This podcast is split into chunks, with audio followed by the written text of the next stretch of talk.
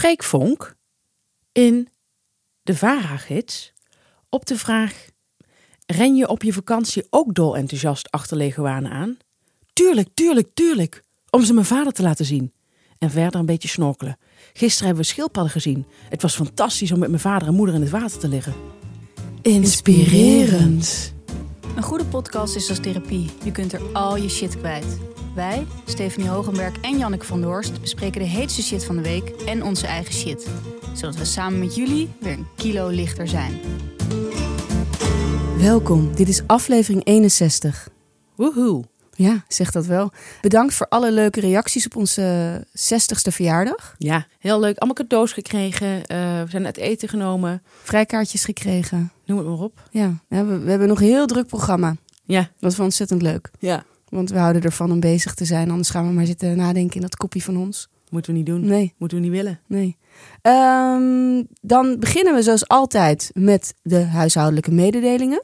Nu wil ik even op één ding terugkomen, omdat eh, vorige week hadden we het over ehm, waarom wij vinden dat ook vriendschap besproken moet worden in de klas. Iemand zei dat we de vaders een beetje te veel buiten beschouwing lieten. Ja, goed En punt. dat klopt, dat is waar. En dat, dat, dat reken ik mezelf ook aan. Eh, dat komt een beetje omdat vaders op twee manieren reageren.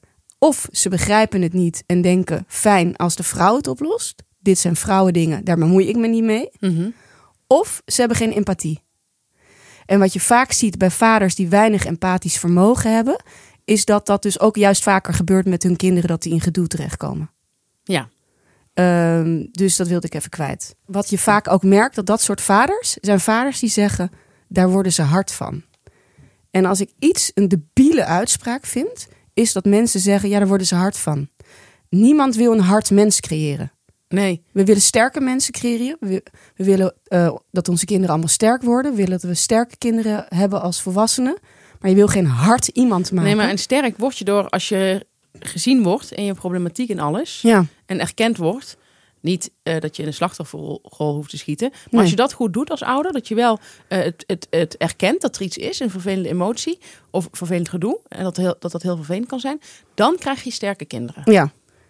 En het, als iemand nog één keer tegen mij zegt, daar worden ze hard van, dan krijgt hij een klap voor zijn smoel.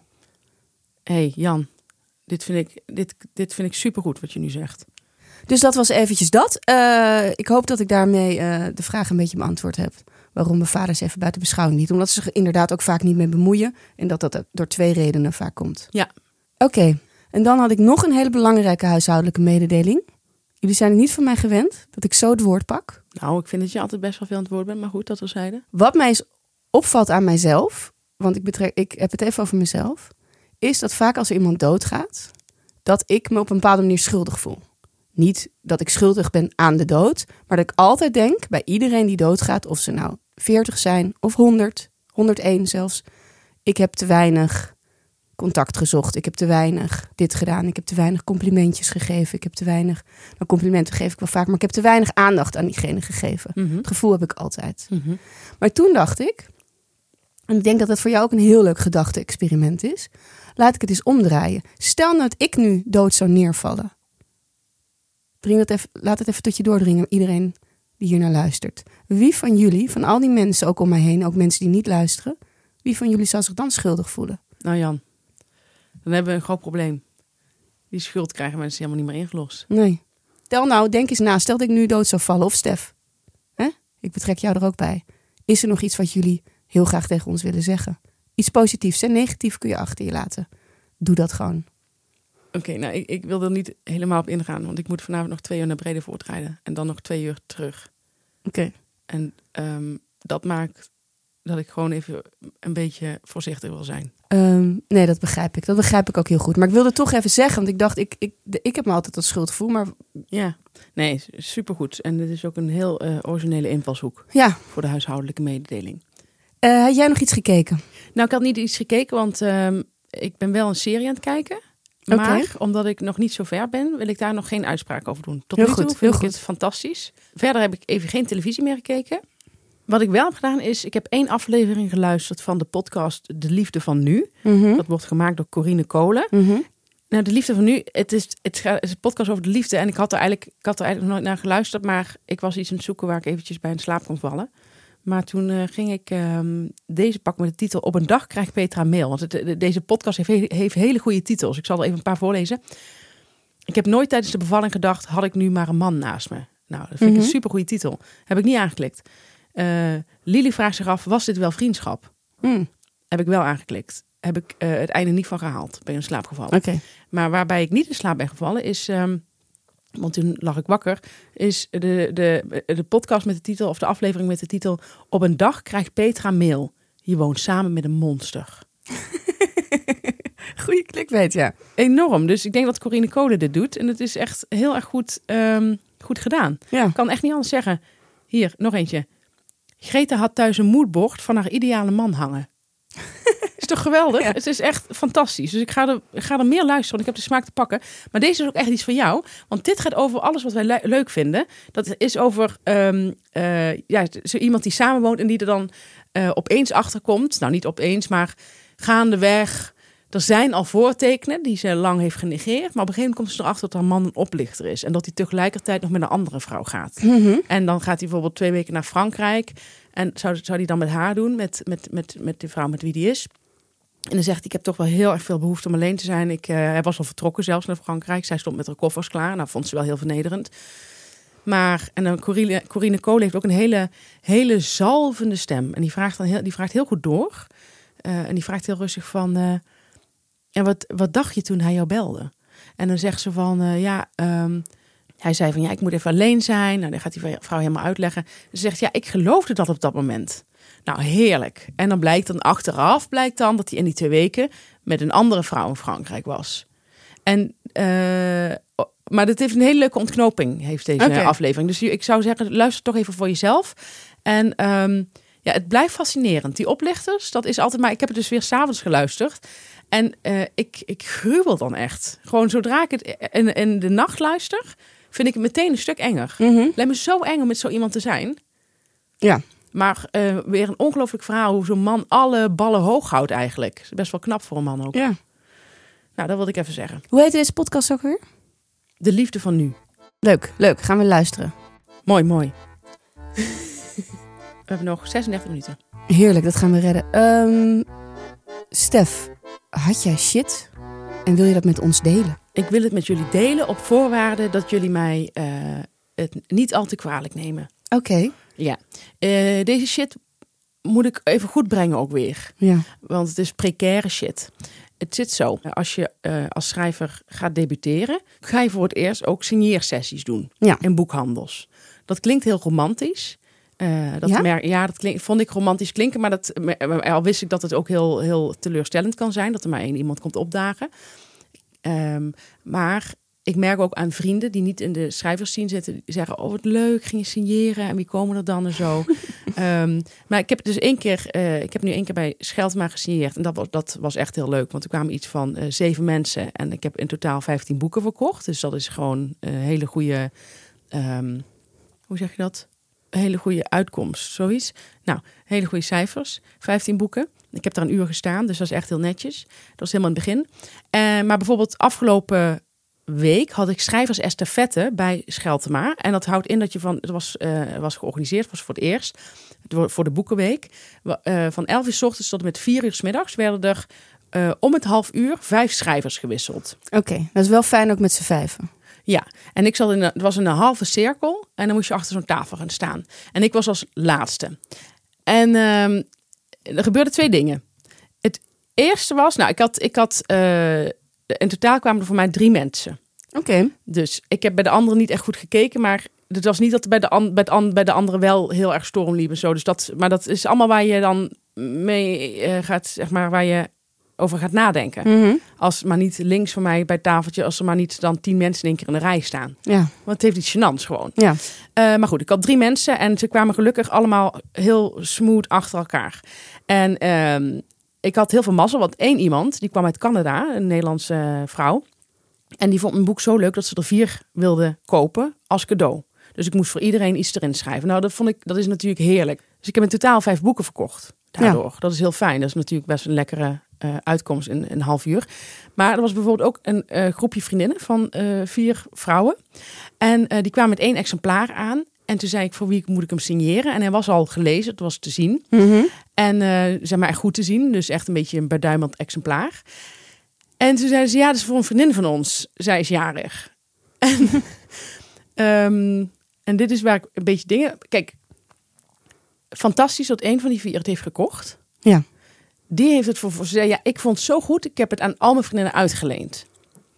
Dit is voor een schrijver. Een schrijver denkt dan, hey, wat leuk, maar wat jammer voor mijn business. Mhm.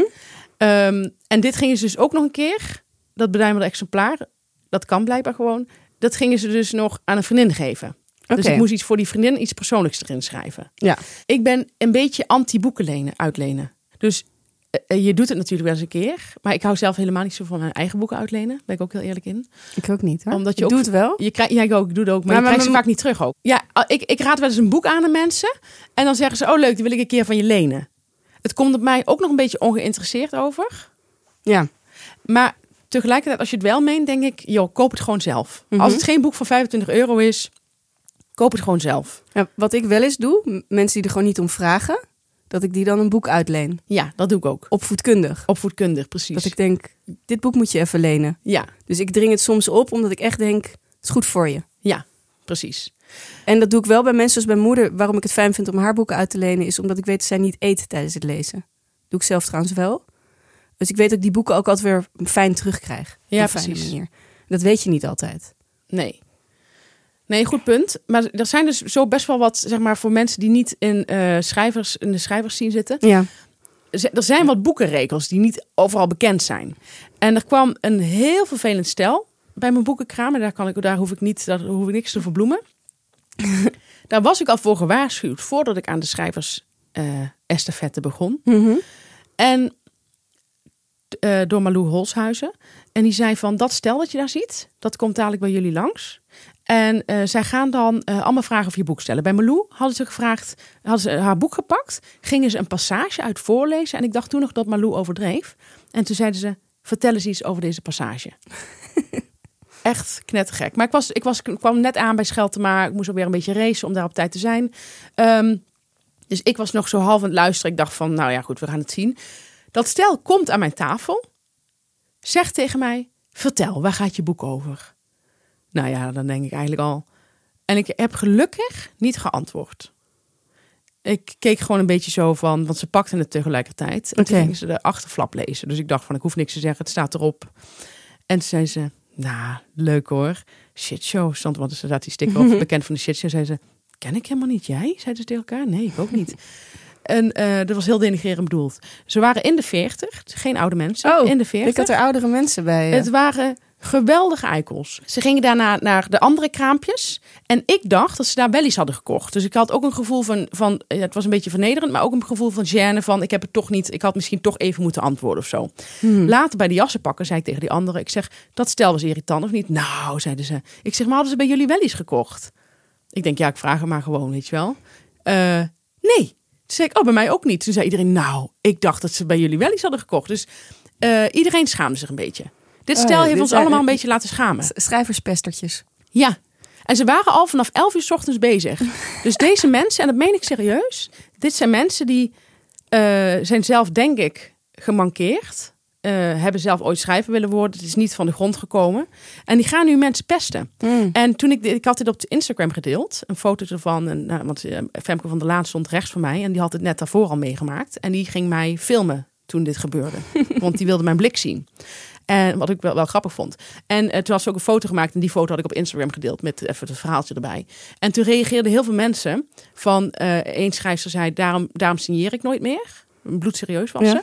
Eh, en anderen zeiden van, dit, dit, dit, zijn hele akelige mensen. Het is vernederend. Het is, nou, zo. Dus er waren best wel wat schrijvers met zo'n ervaring. En... eh, dus, maar goed, over deze mensen heb ik het niet. Maar dus, dit, zijn, dit, dit, dit soort mensen krijg je ook bij het signeren. Ja. Gewoon totale me- mensen die knettergek zijn. Ik ken niemand in mijn hele omgeving die als een soort... eh, die gaat snuffelen alsof het een soort boekenmarkt is. Mijn boek ligt namelijk ook in de winkel. Ja. Dus je kunt ook gewoon daar een beetje gaan rondneuzen. Je hoeft niet mij te vervelen. En een schrijver wil niet, wil niet de vraag krijgen... waar gaat je boek over? Zo de erop. Dus dat was vreselijk irritant. Maar dan nog even terug naar het uitlenen Uitlenen is dus niet een heel groot compliment voor de schrijver. Het is, nou, het is wel een compliment. Het is niet zo goed voor de business. Ja. En we hebben een business. business. We hebben een business te runnen. En dan wil ik nog een punt maken voor mensen die zeggen: ja, maar het is wel duurzamer. Duurzaamheid doe je maar op een ander vlak. Als je duurzaam gaat zitten zijn met boeken, gaat de boeken zien kapot. Die is al op sterven naar dood. Dus ik zou zeggen: laten we hier niet. eh, Dat papier kan uiteindelijk weer gerecycled worden. Laten we hier niet te zuinig op zijn. Nee. Laten we hier gewoon juist en niet te Calvinistisch. Calvinistisch. Dat komt dus ook heel vaak voor. Dat merk ik gewoon ook. Er was een, een vriendin op mijn boekpresentatie die had, die zei tegen mij ook wel zo. Ik had hem graag willen laten signeren, maar ik heb hem eh, thuis laten. eh, of ik heb hem laten bezorgen, maar hij komt pas over drie dagen. En ja, ik dacht, kijk, ik ga ik zelf niet zeggen, maar ik dacht, ja, koop gewoon dan hier nog een exemplaar en dan geef je die andere cadeau. Mhm. Maar ze baalde er echt van. En dit is geen gierig vriendin. Dus er is een soort eh, gedachte over boeken van dat het heel erg veel geld kost. Ja. Eh, ja, dat is gewoon iets merkwaardigs. En dus ik zou willen adviseren of willen vragen van, ben daar iets royaler in? Want er was bijvoorbeeld een Italiaanse vriendin van mij, die ook vaak in mijn boek voorkomt, Sylvia. En zij kocht vijf boeken. Voor alle mensen bij wie ze de dagen daarna ging logeren. Mm. En waarom zeg ik Italiaans erbij? Omdat zij niet Calvinistisch is. Ja. Dus zij is gewoon, ze- is gewoon een hele andere cultuur, veel royaler. Ja. Zij koopt gewoon die boeken. Zij heeft gewoon voor 100 euro aan boeken gekocht. Ja. Om weg te geven. Nou, dat is fantastisch. Dit is het ook een, het zou een voorbeeld moeten zijn. Het zou een voorbeeld voor Vind je een boek goed, koop hem eigenlijk altijd vijf keer. Ja. En duurzaamheid kan op heel veel andere vlakken. Deel dan een broek met vrienden. Ja, dat zou ik dan eerder adviseren. Ja. Je Ja. kunt bijvoorbeeld eh, het vliegen beperken. Hè, je kunt bijvoorbeeld in plaats van vier keer per jaar vliegen, kun je het bijvoorbeeld naar twee keer verscha- eh, eh, ja, er zijn allerlei oplossingen voor. beperken. Ja, Ja. daar wil ik best over meedenken. Kunnen mensen me altijd over mailen. Maar Mhm. ehm, ja, dat is, dat is mijn pleidooi eigenlijk. Ja, heel doe, goed. Het, doe het niet met boeken. Ja. En, en, en, ben wat, ehm, en ben wat kwistiger met je geld als het gaat om boeken. Ja. Wat was jouw shit? Mijn shit was dat ik eh keelontsteking had. En dat was al shit genoeg. Maar wat er toen gebeurde was dat ik mijn stem kwijtraakte. En hoe kwam je erachter? Ik kwam erachter dat ik iets wilde zeggen en er kwam geen geluid uit. Een beetje als Ariel. Ja, zou, zou je mee kunnen... Ik, voel, ik voelde me echt eh, verbonden met Ariel. En wie was jouw Ursula? Ik heb veel Ursula's. We parkeren die even. Ja, parkeren die eventjes, ja. Eh, want ik wil hier toch wat serieuzer ook op ingaan. Oké. Want dit was natuurlijk niet zomaar iets. Wat ik namelijk heb gemerkt is toen die stem weg was. Was hij echt helemaal weg of piepte je? Ik, had bijna, ik was bijna niet meer te horen. Oké. Ehm, dat is best wel lastig als je eh, iets wil zeggen. En zeker als je iets wil schreeuwen. Want dat kan dan dus gewoon niet. Ja. Maar wat ik toen dus heel erg merkte, en daar had ik nooit bij stilgestaan, hoeveel je met zo'n stem doet. Ja, wat doe je er allemaal mee? Je praat ermee, je zingt ermee, je waarschuwt mensen. Het heeft ook een waarschuwende functie, een stem. Pas op, hè, dat je kind bijvoorbeeld eh, onder een auto komt. Mhm. Het is een eh, stem waarmee je mensen kan begroeten. Ik kon dus ook niet hoi zeggen. Ik, kon dus, ik zwaaide alleen maar als een soort halve garen. En hoe lang heeft dit geduurd? Dit heeft eh, twee dagen echt eh, dat ik echt bijna niks meer had. En iets van vier dagen bijna geen stem. Ik heb het helemaal niet op Instagram gezien. Nee, klopt. En dat is ook een punt hieraan. Eh, wat ik nog even wilde zeggen is, kijk, wat voor Nicolette van Dam, waar jij het vorige keer zo over had, dat ik zo best wel ontroerend vond. Wat voor haar de knie is en eh, voor meer topsporters, Mhm. dat is voor mij mijn stem. Hè? Ik, ik, ik, ik, ik verdien mijn geld met mijn stem. Je bent een performer. Ja, ik geef trainingen, dan ben je de hele dag aan het praten. En ik heb uiteraard de shitshow. Ja. En het zal mij ook niet verbazen. Ik heb hier natuurlijk voor de, voor de post office, voor het voicecasting, heb ik ook wat ingesproken, een soort proefinspraakje. Ehm, en ik kan natuurlijk ook elk moment nog gebeld worden door een groot internationaal reclamebureau om dat ze mijn stem willen. Ja. Dus ook daarvoor moet ik die stem moet ik goed verzorgen en daar moet ik gewoon Balsemen. Ja, dat, dat, dat had ik nooit zo goed bij stilgestaan, maar daar moet ik gewoon heel goed voor zorgen. Ja, Want die stem is een goudmijn. die stem is een goudmijn. Ja, je krijgt ook altijd veel complimenten over je stem. Eh, Ehm, en ja, wat, wat ik dus Oh, lastig ook Ik vond. dacht even dat je hem weer kwijt was. Ja, die, die schrik heb ik ook nog hoor. Dus het is heel mooi dat jij dat ook hebt. En ehm, wat ik lastig vond aan eh, dus die situatie, omdat ik dat zo goed had gezien bij Nicolette van Dam, hoe zij daar met als gezin mee omgingen, was dat dat bij mij thuis helemaal niet gebeurde. Dus we kwamen niet dichter bij elkaar. Het was geen feest. Ehm, mijn dochter geneerde zich voor mijn stem. Elke keer als ik iets zei tegen mensen, ging ze meteen uitleggen dat ik geen stem meer had. Wel mensen hoorden dat op zich ook wel. Maar ze wilde echt uitleggen, dit is, dit is geen halve garen. Ze is haar stem kwijt. Mhm. Wel fijn op zich, zo'n kleine spreekbuis. Ja, op zich wel. Eh, maar eh, mijn, mijn zoon ergerde zich eraan. Dus Mhm. die zei dan dat ik even mijn keel moest schrapen. Die zei, doe even... eh, weet je wel? Ja, Zei hij van, zo van, kap hiermee. ja, En na een tijdje begon hij mij na te doen. ja. Dus dan zei hij, mag ik wat drinken? Weet je wel? Heeft hij die humor al? Ja, ja, ja blijkbaar. Ehm, ja, mijn vriend lijkt het wel eh, lekker rustig te vinden. Dus ik vond dat, ik vond heel shit dat ik merkte hoe afhankelijk ik geworden ben van die, van die stem, van die stembanden. En dat ik net als Jan Smit, daar dus heel zuinig op moet zijn. En aan de andere kant was er de shit van dat ik hoopte dat het ons gezin dus eh, ook veel dichter bij elkaar zou brengen. Dat we samen die rollercoaster zouden doen en dat mijn vriend me ook zou slepen door de kamer. En dat dat dus niet gebeurde. Baal jij misschien een beetje dat jouw vriend niet iemand is die de Chardonnay ontpopt en de charcuterie klaarzet op het moment dat er zoiets gebeurt in jullie gezin?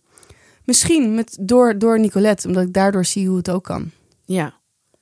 Want ze hebben er toen echt een feestje van gemaakt toen haar kruisband was eh, vernietigd. Ja, Ja, maar dat is bij jullie dus niet gebeurd. nee. Ja, Jan, ehm, het is gewoon aan jou niet besteed, zo'n gezin. Ja, je zou het graag willen, dat weet ik. Ja, ik, ik schrik hiervan. Maar ehm, ik denk, ik, ik denk dat jij, zeg maar, krijg, je krijgt het gezin dat je verdient. Mhm. En nou gun ik jou een geweldig gezin, Ja, maar je hebt het toch een beetje in het Spartaanse gezocht. ja, En dat komt omdat jij zo verschrikkelijk negatief in het leven staat. ja. Ja, dat klopt wel een beetje. En dat is. eh, En kun je dit soort dingen nog terugdraaien, denk je? Of is dat iets... Ja, en dan, en dan kom je uit bij een cliché, maar dan moet je zelf de slingers gaan ophangen. En dan moet je dus naar de Sligo met een bepaalde horecapas. En dan lekkere eh, schaaldieren inkopen, eh, oesters, ehm zeekraal. Ja, het is een mentaliteit. Mhm. En Nicolette van Dam heeft haar kinderen zo opgevoed dat ze ook... Nicolette van Dam had laatst een feestje georganiseerd voor haar kinderen. Ja, Want eentje was jarig. En de volgende dag kreeg ze een bloemetje van haar dochter van zes. Mama bedankt voor het leuke feestje. Mm. En dat werd dan ook op Instagram gedeeld. Van zo lief deze schat. eh, altijd dankbaar. En dat is er met de oud-Zuidse paplepel ingegoten. ja, Je hebt gekozen voor een gezin waarin mensen niet altijd elke dag een feestje ervan maken. ja, En dat op zulke momenten komt dat gewoon heel hard binnen. ja. En dat is denk ik wat, wat er aan de hand is. Ja, dat klopt, ja. Want ik heb ook helemaal geen foto gezien van jullie. Nee, Met de handen verstrengeld in elkaar. Van eh, we zijn er samen doorheen gekomen. nee dat, eh, dat, maar dat is iets wat natuurlijk bij mij ligt. En daar heb ik ook weer van geleerd. Daar heb je ook weer van geleerd. Nou, maar ik ben blij dat je er weer bent met je stem. Ik ook. Nou, dan zijn we bij de rubriek. Ja, ik heb er wel nog over nagedacht. Ja, ik ook. Ehm, en toen dacht ik van, eh, volgens mij moeten we het deze week nog even laten gaan of zo. Dat is een gevoel, hè? Ja, Het is moeilijk in woorden te vatten. heel moeilijk. Zullen we dan maar doorgaan naar onze nieuwe adverteerder? Ja, laten we dat eh, doen. We hebben een, een nieuw merk. Ja, helemaal nieuw. Ja, Jan, we hebben een nieuwe sponsor, hè? Ja, ik weet het. Zeg het maar. Het is Yoku. Wat is het? Yoku, ja, dat is een schoonmaakmiddel. En wat maakt het zo bijzonder? Want ik begrijp wel dat Yoku bij ons is uitgekomen omdat wij zijn heel erg van het schone. Je hebt lichte smetvrees. Ja. En we houden dus erg van schone oppervlakte en schoon huis. En wat nou zo bijzonder is aan Yoku, is dat zij schoonmaken met bacteriën. Nou ja, dat past weer helemaal bij die Japanse naam. Ja, want in de natuur worden bacteriën al duizenden jaren lang ingezet als schoonmaakhulpjes. Hè? Is dat zo? Ja, eh, eh, als je bijvoorbeeld in het bos bent en er valt een boom om, dan zijn het bacteriën die die boom op gaan ruimen. Hè? Die zorgen ervoor dat die boom dan verdwijnt. Nou, dat is waanzinnig. Wat je me nu vertelt. Ja, en ze kunnen dus ook zo vuil opruimen. Ja, nou ja, wat, ik, wat, wat mij ehm, heel erg overhaalde om, om deze adverteerder in huis te nemen. Ja, Eh, want zo- zie, we hebben er ook letterlijk in huis genomen. Want we natuurlijk zijn gaan poetsen met deze spulletjes. Ja. Eh, hele, hele, hele fijne spulletjes. Is, ehm, en dat beloven ze ook van ja, als je met die spullen aan de slag gaat, dan blijven er allemaal bacteriën achter op het oppervlak. ja. En- goede bacteriën, de opruimbacteriën. Ja, precies, de goede bacteriën die eigenlijk ook in je darm hebben zitten. En eh, tenminste, daar heb je ook goede bacteriën. Mhm. En die bacteriën die blijven dan doorpoetsen. Terwijl jij er al lang mee gestopt bent. Ja. Dus je moet je even voorstellen, jij bent al gewoon weer lekker een boek aan het lezen. Beentjes omhoog.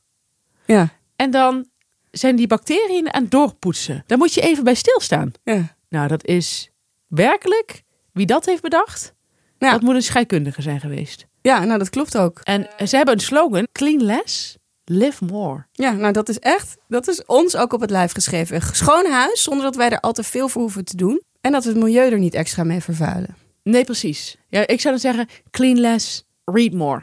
Ja, precies. Maar dan zouden ze zo'n niche aanspreken, dat begrijp ik wel vanuit het bedrijf, dat ze dat niet doen. Dat snap ik ook wel. Maar dat zou er ook nog bij, bij kunnen, ja. En verder is het heel leuk dat je de producten ook kunt drinken.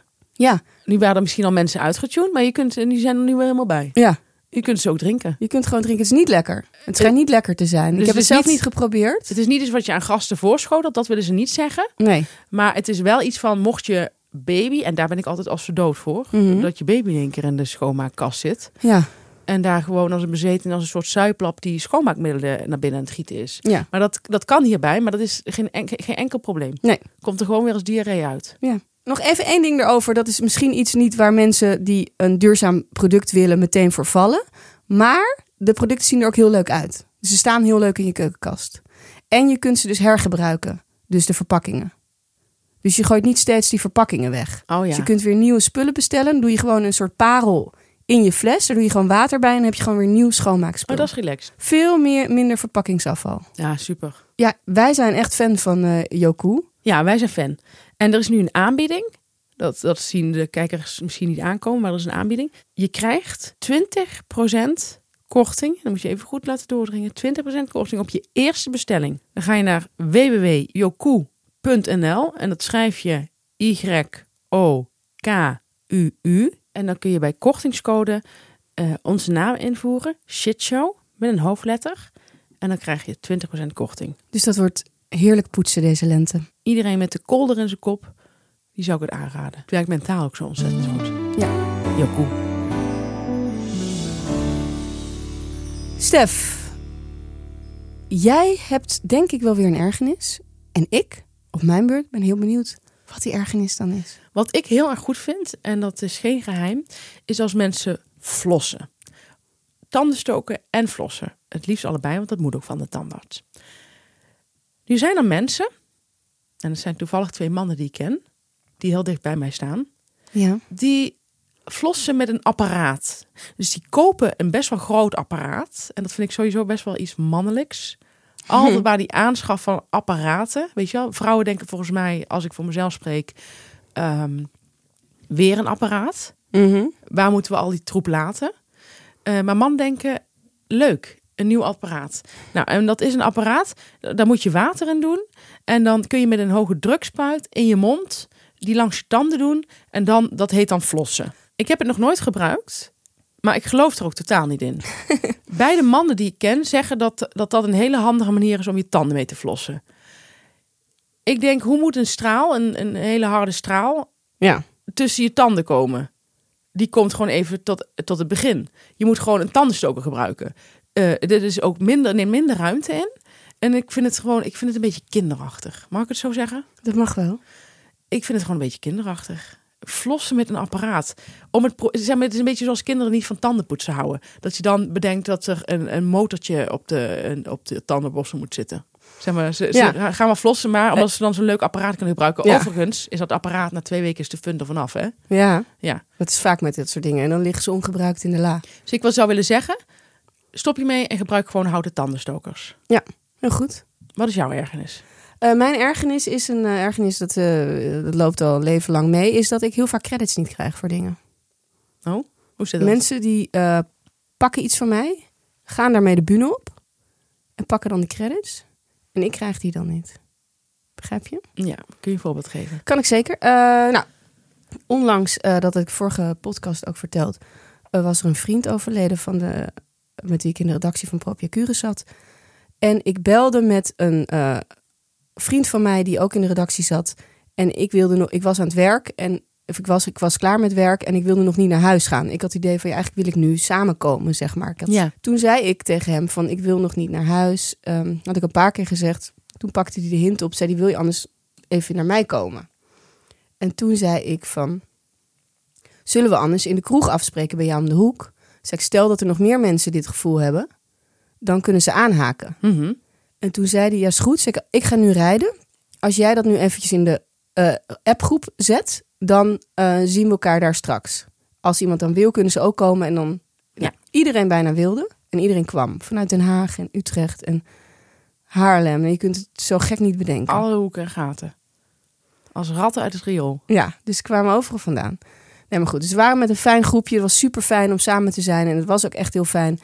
En toen eh, ging ik daarna naar huis. En toen stuurde iemand in de appgroep. Toen waren we allemaal uit elkaar. Die tent ging ook dicht. Tegen die, die vriend Dries. Dat zou ik wel even met naam en toenaam zeggen. Zei eh, Dries, wat goed van je. Dit initiatief. Echt heel fijn om dit te doen. Mhm. Ik dacht, oh, het was mijn initiatief. Hij voerde mijn opdracht uit. Hè? Mhm. Ik zei, app ze even. Toen reageerde Dries met, geen probleem, vond het ook heel fijn om jullie te zien. Ja. Dat vind ik lastig. En heb je daar iets van... en eh, als dat nou één keer gebeurt, maar dat gebeurt mij heel erg vaak. en, en op dit soort gebieden met initiatieven? Of, eh, Ja, alles, van alles. Ehm, ik heb, ehm, mijn vriend deed dat een tijd heel, heel erg vaak. Dan maakte ik een grap. En die grap hoorde niet iedereen. in gezelschap? Of? Ja, in gezelschap. We waren we aan, met, aan het eten met mensen. En dan ging hij die grap daarna herhalen. Mhm. Hard. En dan ging iedereen lachen. En dat gebeurde op een gegeven moment zo vaak. Zei hij, ja, maar het is anders toch ook zonde als niemand de grap hoort? En wat zei jij daarop? Ja, dat, daar, daar ben ik nog steeds niet over uit. Vind ik het dan leuk dat er toch om die grap wordt gelachen? Ja, liever niet, denk ik. Of, ehm, ja, ja, misschien moet ik ook leren om harder te praten. Ik mompel mijn grappen soms een beetje. Ik ben ook natuurlijk niet iemand die het podium graag pakt. Nee. Dus ehm, ja, dat vind ik lastig. En dat soort dingen heb ik eigenlijk heel vaak. Dat ik ehm, zeg van, eh, zullen we even een bloemetje naar diegene sturen? En dan eh, zegt die ander, ja is goed. En dan krijgt die ander van, oh wat lief van je. Weet je wel? Ja. Dan denk ik, hey ho ho. Dat is mijn idee hè. Ja. Mensen zien mij daar denk ik niet voor aan. Maar ik zit vaak met dat soort eh, vol van leuke initiatieven en ideeën en liefdevolle de, de gedachten. Ja. En dat wordt dan niet gezien. En ook heel veel uitspraken die ik deed, zie ik gewoon terug, ook wel eens in columns van vrienden en zo. Ja, dat vind ik dan ook wel eens, eh, ja, denk ja, weet je, het mag wel. Ik vind het wel een eer dat je mijn uitspraken allemaal zo goed vindt. Ja, maar je wil de credits voor, dat snap ik heel Ja. goed. Ja. Dan wil ik gewoon, soms zegt iemand, mag ik dit gebruiken? Dan zeg ik ja. En dan denk ik dat ze zeggen, mijn goede vriendin Janneke van der Horst, die altijd van die geniale dingen zegt, zij. Maar dat staat er dan niet in. Ja. Ja, ik denk dat... eh, ik denk haast dat cabaretiers het ook moeten hebben. Dat moet haast wel. Ja? Dat denk ik wel. Ik zou me eigenlijk helemaal niet graag mezelf met een cabaretier willen vergelijken. Nee, maar ik denk wel dat het, eh, dat het, dat het op deze manier ook zo werkt en die, eh, en Ja? die kringen. Ja, ja. Dus dat ze een initiatief hebben en dat dan iemand anders ermee vandoor gaat. Geen initiatief, een grapje. Oh ja, bij die grappen bedoel je? Ja. Ja. Ik heb zelfs laatst ergens gehoord, volgens mij in de podcast van Theo Maassen. Dat iemand een grap ehm, met een nieuw, in een nieuw jasje had gestoken. En dat hij het supergoed deed. Oh ja, het lijkt me heel erg. Nou ja, wij hebben natuurlijk samen ook wel eens meegemaakt dat mensen dingen van ons nadoen. Of ideeën van ons jatten. Ja, of gewoon niet eens grappen, maar gewoon eh, uitspraken die we doen. Ja, Denkwijze. ja, Dat is op zich wel fijn dat iemand de denkwijze overneemt. Ja. Maar het is toch altijd een beetje irritant als iemand doet alsof het echt totaal uit hemzelf komt. ja, dat diegene niet zegt, nou, zoals ze in de shitshow al zeiden. Ja. ja. Of dat je in een podcast hoort dat iemand gewoon de hele tijd kijkertjes gebruikt. Wat gek is. Ja, heel gek, ja. Maar dat is wel goed nieuws voor de mensen die een hekel hadden bij ons aan kijkertjes. Ja, dat zou ook niet terecht kunnen. Nou, en dat, dat wij dat gewoon ook niet meer gebruiken nu. Want wij, zijn, wij kunnen weer iets anders bedenken. Ja, dat is het, dat is het fijne aan deze show. Ja. ja, wij zeggen nu kijkers. Ja, kijkers, hè? Ja. Onze kijkers. Ja, laatst vroeg eh, iemand aan mij ook, wat zijn jullie kijkcijfers? Ja. Zag ik die even begrepen. Ja, dat is leuk. Ja. Ik heb ook een, ik heb ook, ik heb, had ook op een gegeven moment een keer een grap gemaakt Mhm. in een gezelschap. En die is, die viel zo goed. Ehm, daarna is die grap gekopieerd door de mensen die erbij waren. Ja, En hoorde ik die grap weer terug van een vriend van mij op, die op mijn verjaardag was. Mhm. En die zei, oh, een vriendin van jou maakte zo'n grappige, leuke opmerking. Hij zei, ik heb me doodgelachen. Ze zei, en toen was dat die grap. En toen zei ik, maar dat is was- een grap die je dus zomaar kan gebruiken, zeg maar. je kunt, zal ik hem vertellen? Ja? Oké, het is wel, het is wel een beetje een platte grap. Oké. Nou, hij, nou goed, het gaat zo. Ik was ooit aan de gracht in Utrecht. En eh, daar was ik het borrelen met een heel gezelschap. En het grachtenpand naast ons, heb je allemaal van die kelders die dan Ja. naast elkaar liggen. De kelder naast ons waren een stel hotemetoot en borrelen. Allemaal een beetje wat oudere mannen, maar die allemaal, eh, ja, die, die zag dat ze goede banen hadden. En die stonden daar te borrelen en die vonden het wel leuk een beetje met ons te babbelen en zo. Maar wij zaten op banken, zij stonden. Zij, een van die mannen, die zei iets. Wij kenden dat niet. Mhm. Het wa- het was een term of zo, weet ik het. En toen zei ik, maar dat komt dat ik een heel, heel nauw, strak referentiekadertje heb. Mhm.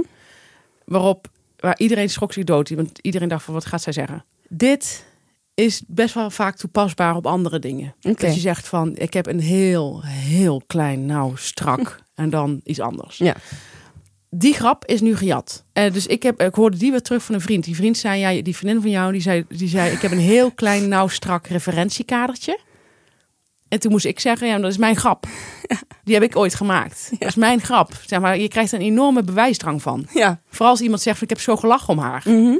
Dan wil je hem echt, je wil gewoon niks anders dan claimen. Ja. Dus ja, ik ken het ook. ja. Ik zeg wel heel vaak tegen je, oh, deze ga ik ook een keer gebruiken. Ja, dat zeg je vaak, ja. Ja. Dat vergeet ik wel altijd. Dat is wel jammer. Ik denk, oh, dit zou zo leuk zijn als ik deze een keer zou kunnen gebruiken. Van die opmerkingen als, van die, van die stiltes die soms vallen en dat jij dan iets kan zeggen. Die wil ik dan graag altijd overnemen. Maar dat lukt me dan niet, want ik vergeet het altijd. Ehm, maar ik heb het andersom natuurlijk ook, hè. Ja, dat weet ik. Ik heb het andersom ook. Ik heb andersom ook dat je, jij, jij hebt echt van die Janneke teksten die ik zelf nooit zou kunnen bedenken. Ja, nou heerlijk. We zijn toch weer aan het complimenteren. Maar ik vind... En eh, ik begin ook helemaal lekker te stralen met die oogjes van ja, nee, nee, nee, die- als ik credits krijg, daar, daar hou ik dus ook heel erg van. je. Je, je, je, Daarom, daarom zit het me zo dwars. je bloeit ook echt helemaal. ik heb, ehm, ja, jij hebt bepaald, en daar onderschat je jezelf in wel. Jij kan, jij kan hele originele vergelijkingen maken. Als, als schrijver ben ik daar jaloers op. Eh, Echt als mens. Als mensen niet. Nee, nee. Echt als eh, van schrijver tot schrijver, zeg ik dit even. Ehm, ja, dat is echt, het zijn hele originele vergelijkingen. Ja, nee, maar ik, ik, ik, ik heb het idee dat ik ze af en toe ook wel mag gebruiken als je het zegt. Die ga ik een keer gebruiken. En als jij dan zegt, nee, ik wil echt niet dat je die ooit gebruikt. Nou, ik gebruik dat ook niet in dezelfde scene. Ik neem dat dan mee naar Muidenberg. ja, dat mag ook wel. Dat mag ook wel. Maar ik wil dus niet dat je bij mijn vrienden Nee. zo'n grap gaat maken. Ja, goed. Oh, heerlijk. Eh, altijd even gewoon vragen, mag ik dat? En vooral niet in, in, in dezelfde kring Nee. dit soort grappen gaan herhalen. Nee. Want dan, dan moet ik dus, ja, moet ik jou helaas, moet ik helaas gaan zeggen, dit was mijn grap. Ja, Mooi. ja. Nou, Mooi- mooi fijn dat jij dit ook herkent. Ja. ja, het kan er best overkomen.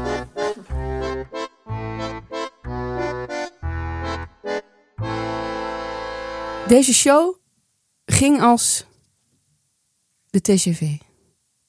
Vond je niet? En waarom denk ik aan de TGV? Omdat onze jury aan Bouwhuizen nu oprecht naar Parijs is. Ja. Hij gaat altijd met de auto. Ja. Want dat vindt hij het mooiste wat er is. En bij Jury aan Bouwhuizen nemen we altijd...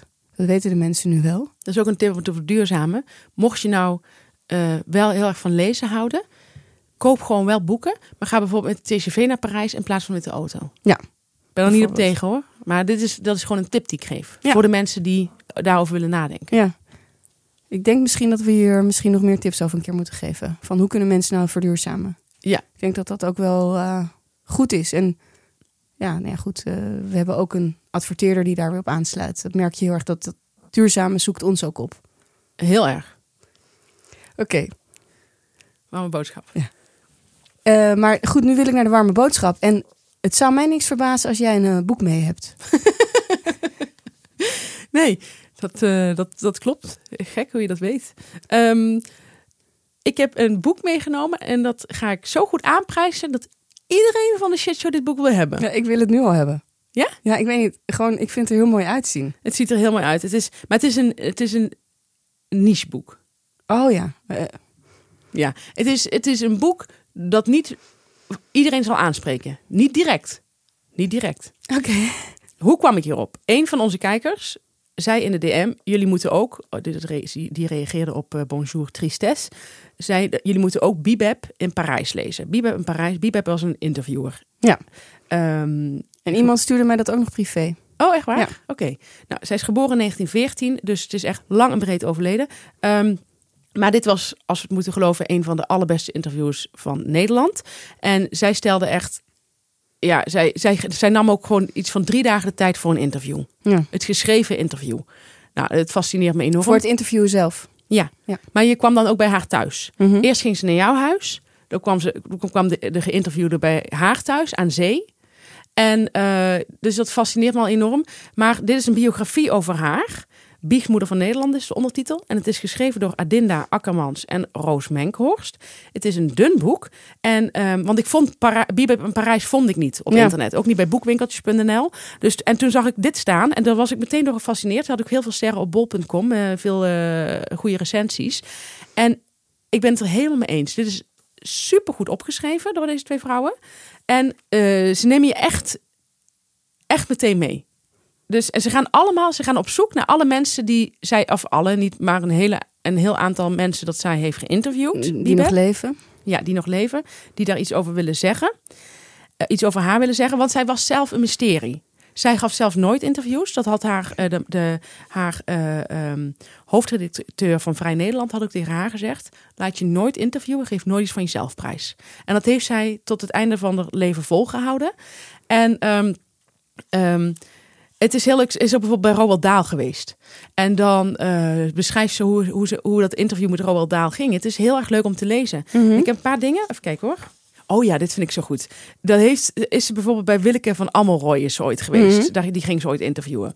En, dan, eh, en iedereen wil praten over Bibeb in dit boek. Dus dat, maar, en wat ik leuk vind, is dat daar hou ik altijd heel erg van. Ze hebben ook haar zoon gesproken, Adinda en eh, Roos, eh, de schrijvers. Ze hebben ook haar zoon gesproken, Wo- Wouter.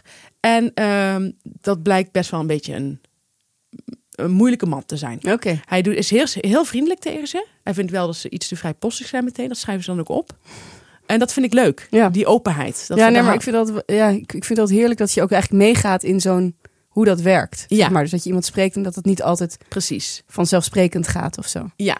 Dus dat, dat is heel leuk eraan. En dan zegt ze, dus iedereen wil, eh, dat zeggen ze ook van, nou, die en die wil heel graag praten met ons. Die stuurt al zelf een mail. Dat vind ik ook leuk, want eh, de andere wijze zou zijn om te zeggen van, we spraken met die en die. Nee, zij zeggen van, Mhm. hij, hij mailde ons zelf al. Ik hoor dat jullie met Biep bezig zijn. Nou, ik wil wat, wat vertellen over haar. Hier zegt ze, hier schrijven ze over Bibeb praat ik graag, mailt Willeke. Het interview met ene Bibeb was haar tweede grote interview ooit, vertelt ze een paar weken later. En dan zegt zij, tijdens de twee dagen die Willeke en Bibeb doorbrengen, vertelt de grote interviewster nauwelijks iets over zichzelf. Maar één verhaal kan Willeke van Amelrooy zich wel herinneren. Tijdens het gesprek over de zelfmoord van Leendert vertelde Bibeb dat ze op een dag thuis kwam en toen haar man met hun twee kinderen thuis vond. De gaskraan stond open, ze waren allemaal dood. Ik weet nog dat ik dacht, dit is echt het ergste wat er is. In de jaren na het interview heeft Willeke altijd gedacht, wat vreselijk voor die vrouw dat ze binnenkwam en dat haar hele familie dood aan het gas lag. We horen haar in verbazing aan, zeggen de schrijvers dan. Dit verhaal kan niet waar zijn. De kinderen van Bibeb leven nog. en er komt ook een... Ik dacht dat er zo'n plot twist zou komen, omdat je zei, dit vind ik heel leuk. Dus, Ja, maar ja dit dat is... had ik niet moeten zeggen. Ik had jullie ook mijn verbazing moeten achterlaten. Oh shit, dan heb ik mijn bladwijzer eruit gehaald. Maar ehm, ik had hier ook nog iets. Even kijken hoor. Oh ja, dit ook. Dit vind ik heel leuk. Dit is over die zoon. Dan krijgen we een vraag. Hij wil weten waarom wij denken dat hij wil meewerken aan ons boek. Dat vraagt Mhm. die zoon dus. Er zijn meerdere antwoorden mogelijk. Dat, heeft hij tussen, dat staat tussen haakjes. Dus Ja. dat heeft hij geschreven naar hen. Er zijn meerdere antwoorden mogelijk. Denk ik al een beetje koekoek. We blijken geslaagd voor de oefening. Want er volgt een raadsel. en dan krijgt ze adres in Zandvoort. Eh, het adres waar Biebert met, met haar ouders vanuit Sloten naartoe verhuizen. Nou goed, Eh, er komt ook een eh klein... Het is dus een, dun, het is een redelijk dun boek, maar er komt ook een hoofdstuk voor over het... ze heeft door een Jappenkamp gezeten, Bibeb. Mhm. Daar, dat is echt, ik, heb dat, ik heb dat gistermiddag zitten lezen. Ik was echt even helemaal, helemaal in een andere wereld. Dat kamp werd helemaal beschreven. En ehm, ja, het was maar heel kort. Maar het, het was, ze, ze heeft daar nooit iets over gezegd, over dat kamp. Zij wilde daar nooit over praten. Mhm. En ze heeft later iemand eh, geïnterviewd die ook in dat kamp heeft gezeten. In dezelfde, dezelfde cellenblok. En eh, die heeft ze daar ook niet naar gevraagd in het interview. Het is fascinerend. Ja. Het is heerlijk. Daarom zou ik willen... Het, het leest heel lekker. Dus mocht je denken van... Ja, maar ik ben niet geïnteresseerd in Bibeb. Nou, ik zou het toch doen. Want ze vroegen ook aan mensen van... Anneli Kroes had ze gevraagd van... Ze stelde hele rare vragen aan mensen. Eh Anneli Kroes had ze gevraagd... Als u nu zwanger zou zijn, zou u, dat, zou u het dan laten aborteren? En, en, en iedereen zegt van, het gaf je status als je eh, aan haar een interview had gegeven. Ik, ik, ik verrukkelijk. Ik moet nog een, eh, moet nog een paar pagina's. Maar ik, Ik ga het kopen. ik heb echt heel veel plezier Ik heb er gehad. ook aan heel veel zin in. Ja. Bibeb, biechtmoeder van Nederland. Maar ja, nu ben ik ook wel meer geïnteresseerd nog in dat boekje Bebop in Parijs. Ik ook. Ik wil als iemand een, een linkje heeft. Ja, of waarom wordt het niet even opnieuw uitgegeven? Ja, geef het nu, wij het, uit. nu wij het in de shitshow bespreken, Ja, dan raden we het daarna nog een keer aan. Zo eerst de druk eruit. Bibeb in Parijs. Opnieuw uitgeven. Ja, goeie. Goeie. Dat is ook een goede warme boodschap voor Ja. die uitgeverij. Ja, want ik wil ook van eh François Sagan, Ja. wil ik ook dat boek lezen, ehm Aimez-vous Brahms. Oh. En eh, dat wil ik ook heel graag lezen. Is Dus nog ik- niet vertaald. in ieder geval kon ik het niet vinden. Oké. Eh, niet, niet, oh, het is wel vertaald ooit, maar kon het dus ook niet vinden. Er is een film hè, van Bonjour, Bonjour Tristesse, wist je dat? Ja, maar hoef ik niet per se te zien. Ik vind boeken zitten echt helemaal in mijn hoofd ja, of klopt. zo. Ja, klopt. Maar M.F. Brahms, eh, dat boek wil ik heel graag lezen. Dus ik dacht, misschien kan Meulenhof, als ze meeluisteren, en dat doen ze, dat boek ook zo mooi uitgeven. Ja, doe even. Wat ik zo leuk aan lezen vind, is misschien even gek om dat te zeggen. Maar dat denk ik heel vaak als ik dan gewoon aan het fietsen ben of zo. En je bent een beetje Mhm. op de fiets met je eigen gedachten. Of muziek aan het luisteren. Dat je vaak op plekken bent geweest in je hoofd waar je nog nooit in je leven bent geweest. Ja, dit klinkt heel, heel simpel hè? Maar door bedoel- boek bedoel je? Nee, dus bijvoorbeeld die villa in Saint-Tropez uit Bonjour Mhm. Tristesse. Dat is een, die villa... Ik, ik heb die villa... Bestaat Nee, die bestaat niet. in je hoofd. Ja, in mijn hoofd. Maar ik bedoel, ik weet niet hoe ik daaraan kom. Aan dat beeld. Het is niet iets bestaans waar ik ben geweest. Nee. Dus ik bedoel, ik ben in Nice geweest vaker. Het zou kunnen dat ik daar een villa heb uitgekozen. Snap je? Dat ik het zich daar een beetje laat Mhm. afspelen. Snap je wat ik bedoel? Dit wordt heel filosofisch en abstract. Maar jij hebt een andere villa in je hoofd. Ja, Ja, nee, maar en Ja. wij, wij, zullen, wij zullen nooit van elkaar weten hoe die villa van de ander eruit ziet. nee. Maar bij mij speelt het zich echt op een bepaald punt af. En, dat, Ik ook. en als ik dus aan Bonjour Tristesse denk, denk ik aan die plek. En dat strandje. En dat strandje. Ja. Maar, en dat ik krijg niet goed uitgelegd, maar dat is wat ik zo lekker vind aan lezen. Dat je gewoon, je bent in heel veel werelden geweest. Of in heel, op heel veel plekken geweest. Die je zelf ook hebt gecreëerd. Die je zelf hebt gecreëerd. Door, ik weet niet hoe dat werkt. Ja, Dat is, dat is eigenlijk wat ik wil zeggen. het raadsel van het brein. Ik denk het. Wat was jouw warme boodschap? Mijn warme boodschap is een film en ik weet niet precies hoe ik het goed, of ik het goed uitspreek, maar de film heet August Osage County. Ik denk dat het goed is. Ja, het is een film die zich afspeelt in Oklahoma. Oh, geweldig. Dat is een heerlijke staat. Oklahoma. Ja. En waarom ga ik deze film tippen? Nou, Is het de allerbeste film die ik ooit heb gezien? denk het niet. Dat is het niet. Maar ik hou heel erg van films, nu ik wat ouder word, waar veel mensen in spelen die ik ken. Begrijp je wat ik bedoel? Ja, en zijn bekenden van jou? Of? Eh, nou, dat voelt wel zo. Maar ehm, ik vind het soms heel fijn, en dat vind ik echt heel fijn, om dan films te kijken met Meryl Streep en Julia Roberts en zo. Zitten die er allebei in? Zit er allebei in. Lekker. En dan ben ik nog niet klaar. Zou ik nog wat namen opnoemen? Noem eens wat namen op nog. Ewan McGregor, Benedict Cumberbatch, Chris Cooper en, dat is iemand die je misschien niet meteen kent, maar als je ziet ken je hem meteen, Margot Martindale. Dat is zo'n vrouw die zie je heel veel in films en zij is ook erg goed. En, Julia en Juliette Lewis. Oh ja. Dus lekker. En waar gaat het nou over? Dat vind ik namelijk ook zo fijn. Het gaat over een beetje een dysfunctionele familie. Zijn ze allemaal familie van elkaar in die film? Ja, ja, min of meer. Oké. Dus je hebt ook nog een tante en zeg maar ja, eh, en aangetrouwde mensen en zo. Eh, zij gaan met z'n allen eh, terug naar het huis van hun moeder, omdat de vader vermist is. Mhm. En Harvey Weinstein, good old Harvey zou ik zeggen, Ja. Ehm, die zei van dit is de film die je moet kijken vlak voor je naar je familie met kerstmis gaat. Want hoe vreselijk jouw familie ook is, het is niet vreselijker dan deze familie. Oké, dat is lekker. Dus dat is misschien eh, een trigger om deze film te gaan kijken. Eh, ik ga deze film kijken. Staat hij op Netflix? Ik weet niet meer waar ik hem heb gezien. Oké, moet je op. eh, ik, heb een, ik heb een app die heet Just Watch. Die is Ja. door een van onze kijkers Heel aangeraden. soms huur ik ook films, zeg maar, van- online, op de tv. Dat kan, hè? Dan kun je een film huren op tv. Ik, ik wilde dit afmaken nog. Dit is een app, Just Watch. Als je daar de titel invoert, kun je precies zien waar je hem kunt kijken. Ik kan zijn dat ik hem gehuurd heb. Dat weet ik even niet meer. Oké, nou, dus dat is meteen ook de- die tip. Ja. Just watch. En mijn tip is er nog, als je het over hebt over dysfunctionele families. Die heb ik al een keer hier aangeraden. Maar Transparent is ook helemaal het einde. Ja. Heerlijk. Nou, dus dat is even mijn- eh, mijn tip. En volgende week, weet je wat? Neem ik ook een boek mee. Spannend. Ja. Stef, dit was aflevering 61. Ik vond het heel leuk om jou weer te zien. Ik vond het ook heel leuk om jou te zien. Ja, dat is fijn. En wat gaan wij doen in Vriend voor de Show? Ja, in Vriend van de Show ehm, gaan we bespreken welke eigenschappen we heel erg irritant vinden aan een man. Ja. Ga naar www.vriendvandeshow.nl en dan ga je naar de shitshow. En dan ga je zo lekker doorklikken. Dan ga je betalen en dan kun je gewoon toegang krijgen. En niet alleen tot deze aflevering, maar tot alle vrienden van de show die we tot nu toe gemaakt hebben. Ja, onnoemelijk veel. We zien je daar. Tot daar Tot daar en tot volgende week. en tot volgende week.